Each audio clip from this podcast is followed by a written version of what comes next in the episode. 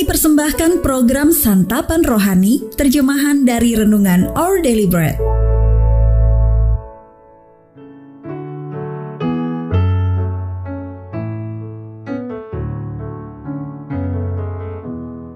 Sahabat ODB, pembacaan Alkitab hari ini terambil dari kisah para rasul pasal yang kedua, ayat yang ke-42 sampai dengan ayat yang ke-47.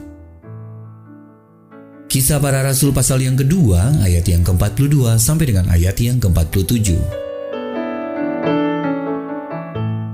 Mereka bertekun dalam pengajaran rasul-rasul dan dalam persekutuan, dan mereka selalu berkumpul untuk memecahkan roti dan berdoa.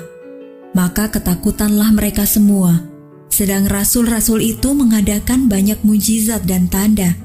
Dan semua orang yang telah menjadi percaya tetap bersatu. Dan segala kepunyaan mereka adalah kepunyaan bersama. Dan selalu ada dari mereka yang menjual harta miliknya, lalu membagi-bagikannya kepada semua orang sesuai dengan keperluan masing-masing. Dengan bertekun dan dengan sehati, mereka berkumpul tiap-tiap hari dalam bait Allah. Mereka memecahkan roti di rumah masing-masing secara bergilir dan makan bersama-sama dengan gembira dan dengan tulus hati sambil memuji Allah. Dan mereka disukai semua orang, dan tiap-tiap hari Tuhan menambah jumlah mereka dengan orang yang diselamatkan. Ayat Mas Renungan hari ini terambil dari kisah para rasul pasal yang kedua ayat yang ke-44.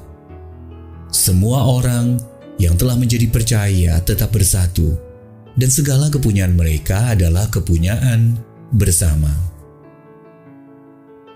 Renungan hari ini berjudul Bersama Lebih Baik ditulis oleh Soxil Dixon.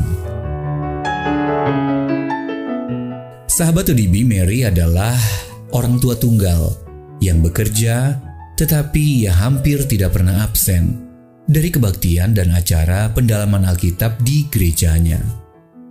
Setiap minggu ia pulang pergi bersama kelima anaknya dengan bus, membantu bersih-bersih dan menyiapkan kebutuhan gereja.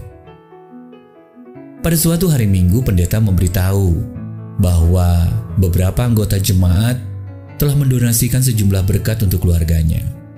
Sepasang suami istri menyediakan sebuah rumah dengan harga sewa yang lebih murah.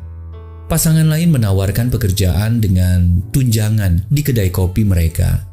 Seorang pemuda memberikan sebuah mobil tua yang sudah diperbaiki dan berjanji akan menjadi montir pribadinya. Mary bersyukur kepada Allah atas sukacita yang dialaminya dalam kehidupan bersama komunitas yang memang senang melayani Allah dan sesama. Mungkin tidak semua dari kita dapat memberi dengan murah hati seperti orang-orang di gereja Mary. Tetapi umat Allah memang dipanggilnya untuk saling menolong. Penulis Injil Lukas menggambarkan umat Allah sebagai orang-orang yang bertekun dalam pengajaran rasul-rasul dan dalam persekutuan. Kisah para rasul pasal yang kedua ayat yang ke-42. Jika kita memadukan apa yang kita miliki, kita dapat bekerja sama untuk membantu mereka yang membutuhkan pertolongan. Seperti yang dilakukan oleh jemaat mula-mula dalam ayat yang ke-44 sampai dengan ayat yang ke-45.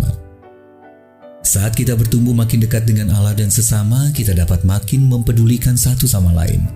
Memperlihatkan kasih Allah lewat perbuatan kita dapat menarik orang lain untuk mengenal keselamatan di dalam Yesus. Kita dapat melayani sesama dengan senyuman atau perbuatan baik. Kita dapat menawarkan bantuan keuangan atau berdoa bagi mereka. Saat Allah bekerja di dalam dan melalui kita, bersama memang lebih baik. Sahabat ODB mengapa penting untuk terlibat dalam komunitas yang senang melayani Allah dan sesama? Lalu bagaimana Anda dapat melayani orang lain dengan murah hati dan tanpa pamrih minggu ini? Bapa yang penuh kasih, bukalah mataku untuk melihat mereka yang membutuhkan dan melayanimu dengan cara melayani mereka. Our daily bread ministries, watakkan firman pada dunia. Jika Anda ingin mendapatkan mendapatkan buku renungan ini dalam bahasa Indonesia, Inggris, atau Mandarin, WhatsApp kami di 0878 78789978 atau email indonesia@odb.org dan kunjungi website santapanrohani.org. Persembahan kasih dari Anda memampukan All Deliberate Ministries menjangkau orang-orang agar diubahkan. Tuhan memberkati.